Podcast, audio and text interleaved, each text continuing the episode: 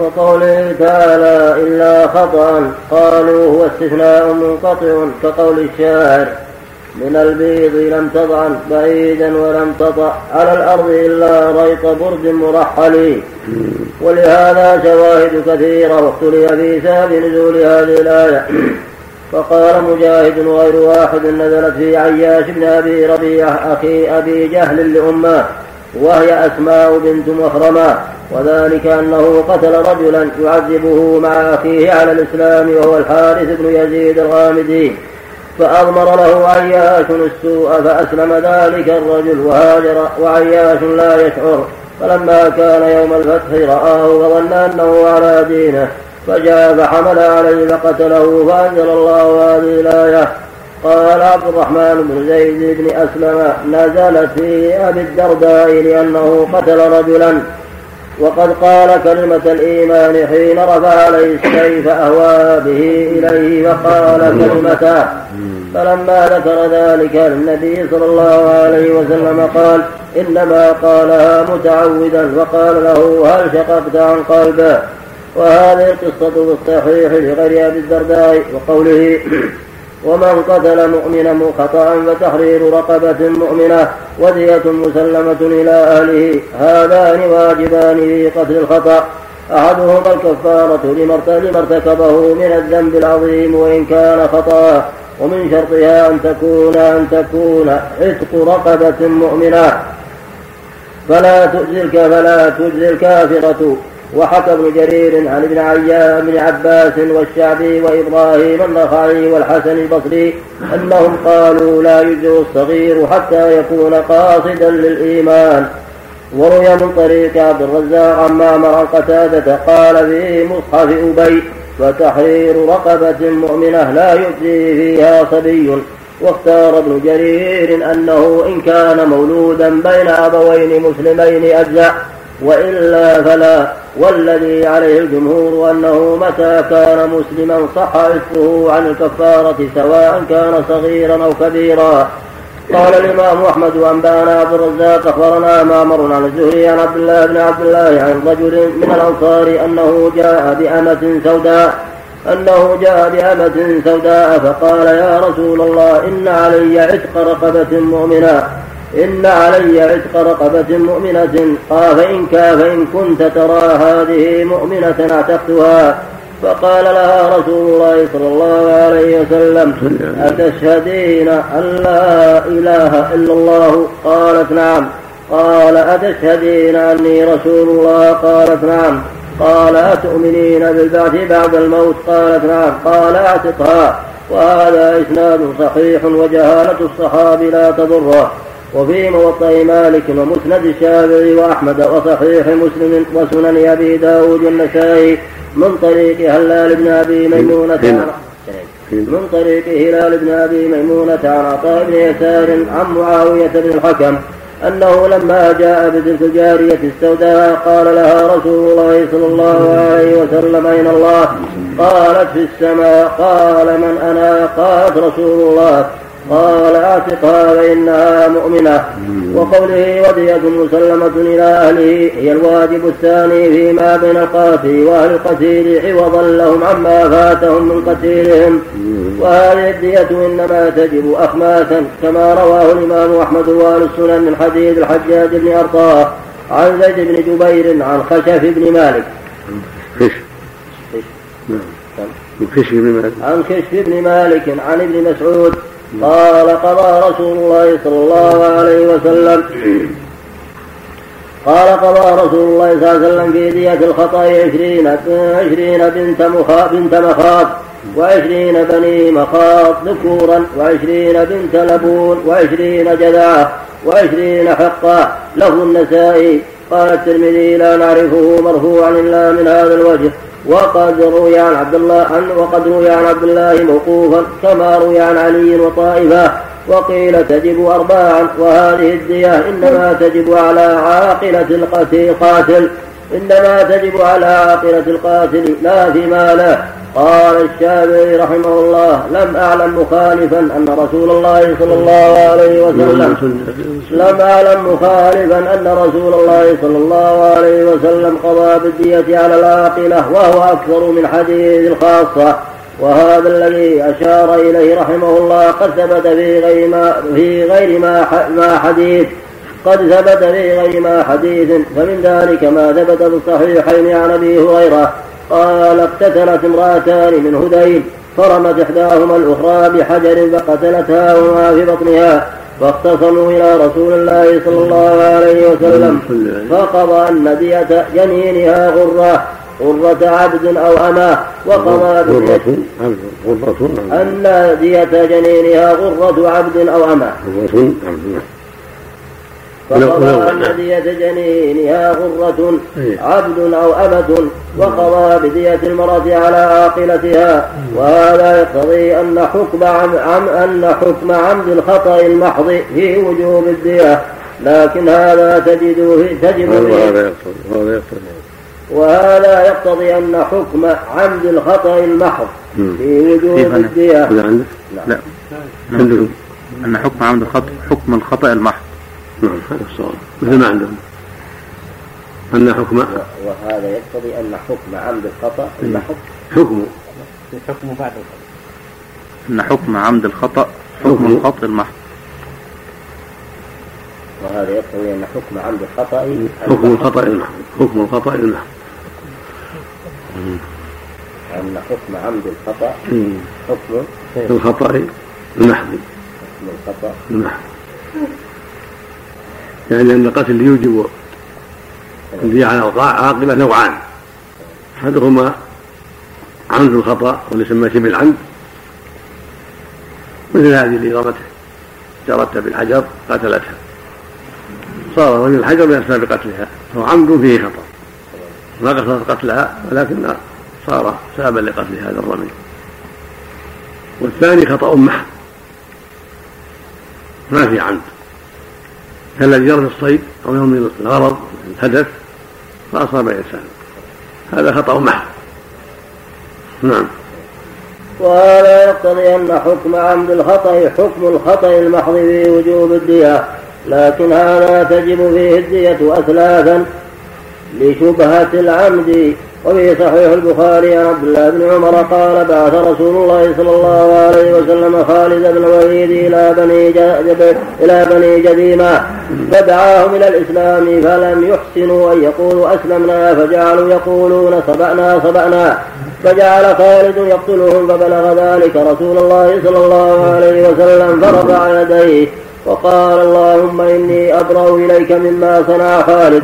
وبعث عليا فودى في قتلاهم وما أتلف وما أتلفت من أموالهم حتى وما وبعث عليا فودى قتلاهم وما أتل أتلف من أموالهم حتى ميلغة الكلب. مين غتل حتى ميلغة الكلب. نعم. وهذا الحديث يؤخذ وهذا الحديث يؤخذ منه أن خطأ الإمام أو نائبه يكون في بيت المال.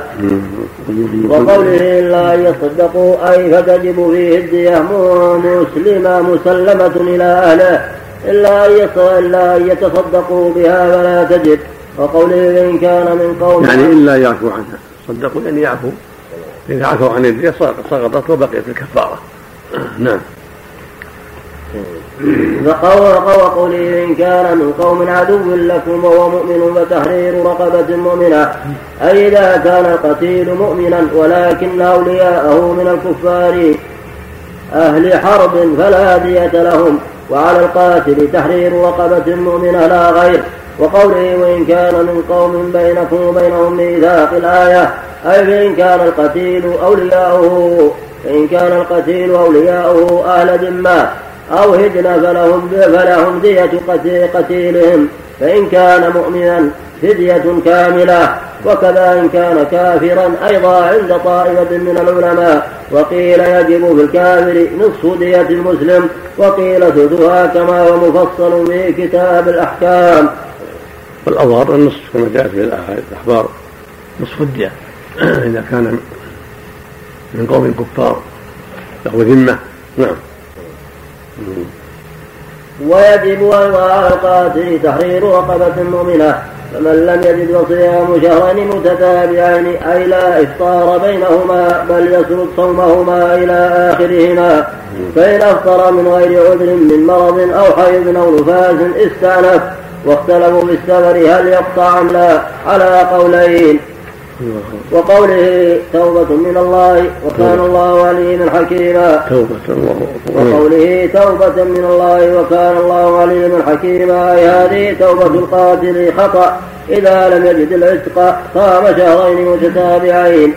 واختلفوا في من لا يستطيع الصيام هل يجب عليه إطعام ستين مسكينا كما في كفارة الظهار؟ على قولين أحدهما نعم كما هو منصوص عليه في كفارة الظهار. وإنما لم يذكر هنا لأن هذا لأن هذا مقام تهديد وتخويف مقام تهديد وتخويف وتحذير ولا يناسب أن يذكر فيه الإطعام لما فيه من لما فيه من التسهيل والترخيص. والقول الثاني لا يعدل إلى الطعام لأنه لا يعجل لا يعدل إلى الطعام لأنه لو كان واجبا لما لما أخر بيانه عن وقت الحاجة. وكان الله عليه وهذا هو الصواب. ليس فيه إلا العتق فإن لم يستطع فالصيام أما الإطعام فإنما هو في حكم الظهار والوطء في رمضان. أما القتل فليس فيه إلا هذا أو هذا لأنه أعظم جريمته أكبر وصارت عقوبته أشد. إذا استطاع العتق وجب العتق فإن عجز صام شهرين متتابعين. وإن عجز بقي في ذمته. هذين الأمران حتى يستطيع أحدهما. استطاع على عتق وإن لم يستطع صام. نعم. أما الظهر يجوز فيه الإطعام. نعم نص القرآن. نعم. نعم. الله يا شيخ بالنسبة لدية الكفار ما يفرق بين أهل الكتاب والمجوس مثلا؟ نعم كان بينهم وبينهم ميثاق ولهم مجوس أو غيرهم نعم. أو مستأمن. نعم. المشركين الذين يقدمون للعمل. مستأمنون مستأمنون نعم. ولا كانوا مشركين. ولو كانوا مشركين. نعم. قتل قتلهم خطأ فيه هدية وكفارة وإن قتلهم عمدا ففيه هدية مغلظة. إذا ما الصيام عليه نعم. إذا الصيام عليه طبعا يشرع لمن خلفه يصوم عنه؟ من الأقارب والورثة من مات وعليه صيام صام عنه وليه يشرع من يصوم عنه. نعم. من تيسر. نعم. قل من قال إن الكافر يأتي نصف المسلم قليل جاء في عدة حديث. نعم. عن النبي صلى الله عليه وسلم من حديث عبد الله بن عمرو بن العاص من قضى فيه بنصف الدية نعم. لكن المعمول حفظك الله المشركين حديثهم في الوقت الحالي حوالي 6000 وكذا هذا جاء عن عمر 800 درهم. ولكن الصحيح إنه نصف الدية نعم. أرجح. المحاكم في هذا. فيه بحث مع هيئة العلماء قرروا فيه من ما رأوا. نعم. والمرأة الكافرة يا شيخ نص نص نصف الكافر؟ نعم. المرأة الكافرة نعم. نصف الكافر؟ مثل سواء مثل المرأة المسلمة. مثل المسلم نعم. وكان نصف الكافر نعم. الدليل على تنصيف المرأة حفظك الله الدية نعم. المرأة كونها مسلمة. ثبت في الحديث المرأة نصف الرجل نصف الدين نعم. نعم. وكان الله عليما حكيما. قد تقدم تفسيره غير مرة. ثم لما بين تعالى حكم القتل الخطأ شرع في بيان حكم القتل العمد. فقال ومن يقتل مؤمنا متعمدا الآية وهذا تهديد شديد ووعيد أكيد لمن تعاطى هذا الذنب العظيم الذي هو الذي هو مقرون بالشرك بالله في غير ما في غير ما آية من كتاب في كتاب الله.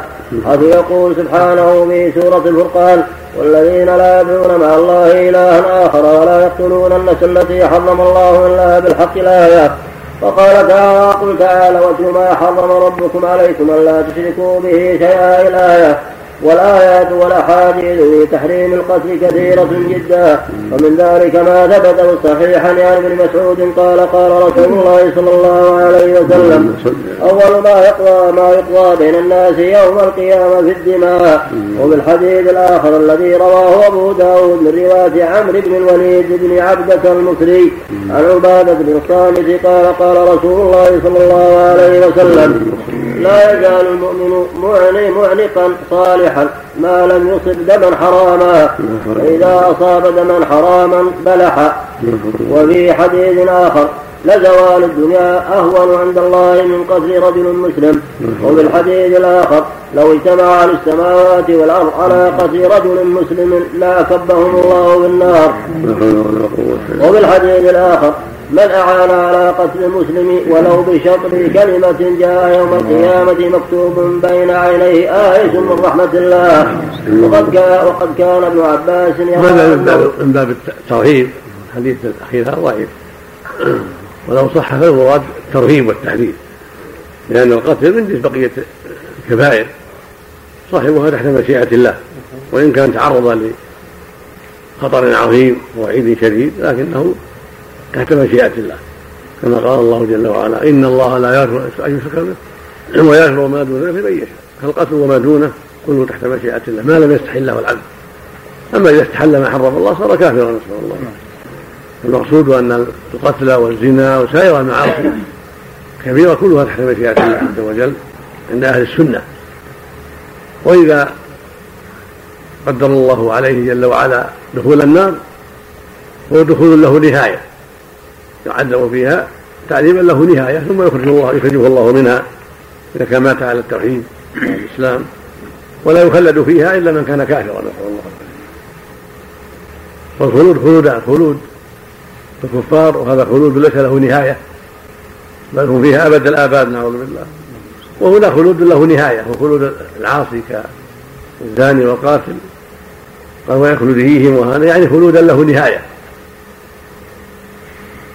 أن يقيم فيها مدة طويلة التي قدر الله عليه جل وعلا بحكمته سبحانه وتعالى. ثم بعد انتهاء المدة يخرجه الله من النار إلى الجنة لكونه مات على التوحيد والإسلام. نعم. والحاصل أن هذا هو قول أهل السنة والجماعة خلافا للخوارج والمعتزلة الخوارج قالوا من عصى كفر وخلد في النار. ولو كان مسلما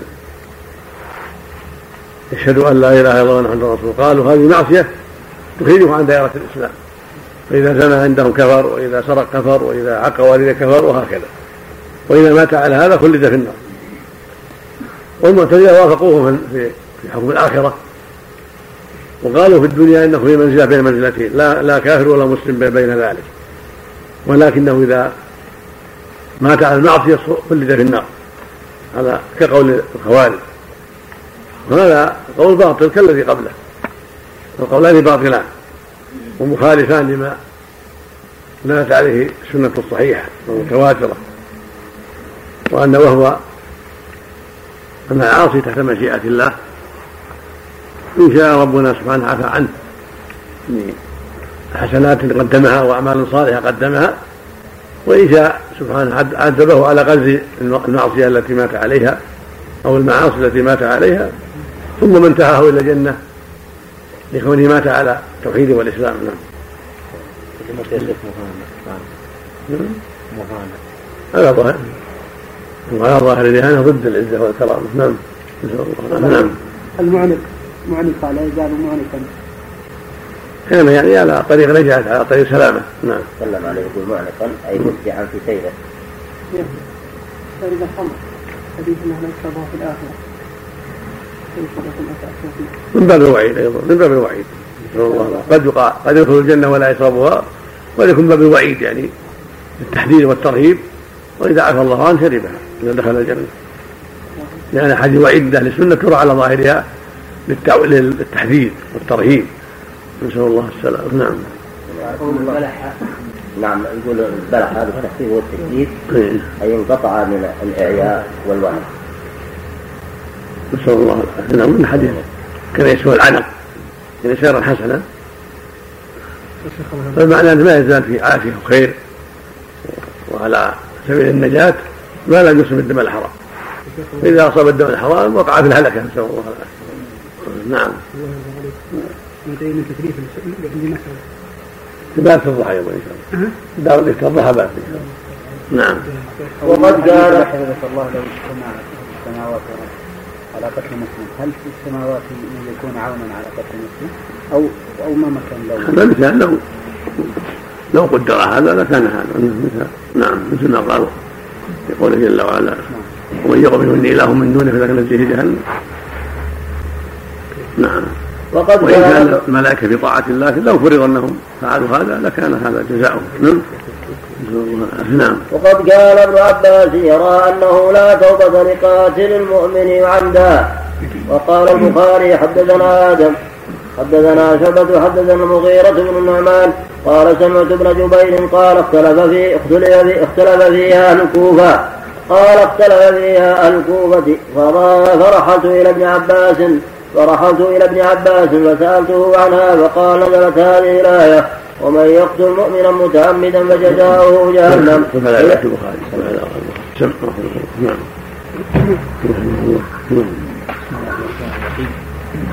الحمد لله رب العالمين والصلاة والسلام على نبينا محمد وعلى آله وصحبه أجمعين. قال النسائي رحمه الله تعالى باب نزول من عزاه حديث يعزاه معلقا صالحا من عزاه. من عزاه. النبي صلى الله عليه وسلم الحديث الآخر الذي رواه ابو داود من روايه عمرو بن المصري عن عباده بن داود نعم بسم الله. الحمد لله والصلاة والسلام على رسول الله. أما بعد فكانت هذه نهاية حلقة بتاريخ الثامن عشر من شهر جماد الأولى. استؤنفت بعدها حلقة بتاريخ الخامس والعشرين من شهر جمادى أيضا من نفس الموضع من صفحة خمس وثلاثين وخمسمائة ولكن أخانا الشيخ عبد العزيز بن ناصر الباز حفظه الله تعالى عندما بدأ القراءة أعاد جزءا يقرب من نصف الصفحة ولم يعلق الشيخ عليه شيئا فرأيت حذفه. وقد أعاد من أول قوله رحمه الله تعالى ثم لما بين تعالى حكم القتل الخطأ شرع في بيان حكم القتل العمد فقال ومن يقتل مؤمنا متعمدا فرأيت حذفها والله المستعان مع تحيات أبي أحمد محمد ابن رفيق العجمي. وتكون البداية من قوله رحمه الله تعالى وقال البخاري حدثنا آدم حدثنا شعبة حدثنا المغيرة بن نعمان قال سمعت ابن جبير قال اختلف فيها أهل الكوفة فرحلت إلى ابن عباس رضي الله عنهما فسألته عنها فقال نزلت هذه الآية ومن يقتل مؤمنا متعمدا فجزاؤه جهنم. هي آخر ما نزل وما نسخها شيء. بسم الله الرحمن الرحيم. الحمد لله رب العالمين والصلاة والسلام على أشرف المرسلين نبينا محمد وعلى آله وصحبه أجمعين. قال الإمام ابن كثير رحمه الله تعالى وقال البخاري حدثنا آدم حدثنا شعبة حدثنا المغيرة بن النعمان قال سمعت ابن جبير قال اختلف فيها أهل الكوفة فرحلت إلى ابن عباس فسألته عنها وقال نزلت هذه الايات ومن يقتل مؤمنا متعمدا فجزاؤه جهنم. هي آخر ما نزل وما نسخها وما نسخها شيء. وكذا رواه وأيضا ومسلم والنسائي من طرق عن شعبة به. ورواه أبو داود عن أحمد بن حنبل عن ابن مهدي عن سفيان الثوري عن مغيرة بن النعمان عن سيد بن جبير عن ابن عباس في قوله ومن يقتل مؤمنا متعمدا فجزاؤه جهنم. فقال ما نسخها شيء؟ وقال ابن جرير حدثنا ابن بشار حدثنا ابن عون حدثنا شعبة عن سعيد بن جبير. قال قال عبد الرحمن بن أبزى سئل ابن عباس عن قوله ومن يقتل مؤمنا متعمدا الآية؟ قال لم ينسخها شيء. وقال في هذه الآية والذين لا يدعون مع الله إلها آخر. إلى آخرها وقال نزلت نزلت في أهل الشرك وقال ابن جرير أيضا حدثنا ابن حميد حدثنا جرير عن منصور حدثني سعيد بن جبير أو حدثني الحكم عن سعيد بن جبير. قال سألت ابن عباس عن قوله ومن يقتل مؤمنا متعمدا فجزاؤه جهنم. قال إن الرجل إذا عرف الإسلام وشرائع الإسلام ثم قتل مؤمنا متعمدا فجزاؤه جهنم ولا توبة له. فذكرت ذلك لمجاهد فقال إلا من نجم حدثنا ابن حميد وابن وكيع قال حدثنا جرير جرير عن يحيى الجابري قال حدثنا جرير عن يحيى الجابري عن سالم بن أبي الجعد قال كنا عند ابن عباس بعدما كف بصره فأتاه رجل فناداه يا عبد الله بن عباس ما ترى في رجل قتل مؤمنا متعمدا فقال جزاؤه جهنم خالدا فيها وغضب الله عليه ولعنه وأعد له عذابا عظيما. قال أفرأيت إن تاب وعمل صالحا ثم اهتدى؟ قال ابن عباس فكلته أمه وأنى له التوبة والهدى والذي نفسي بيده لقد سمعت نبيكم صلى الله عليه وسلم يقول يقول ثكلته أمه قالت ثكلته أمه. ثكلته أمه قاتل مؤمن متعمدا جاء يوم القيامة أخذه بيمينه أو بشماله تسكب أوداده من قبل عرش الرحمن. يلزم قاتله بشماله وبيده الأخرى رأسه يقول يا رب سل هذا فيما قتلني وأيم الذي نفسي عبد, نفسي عبد الله وأيم الذي نفس عبد الله بيده لقد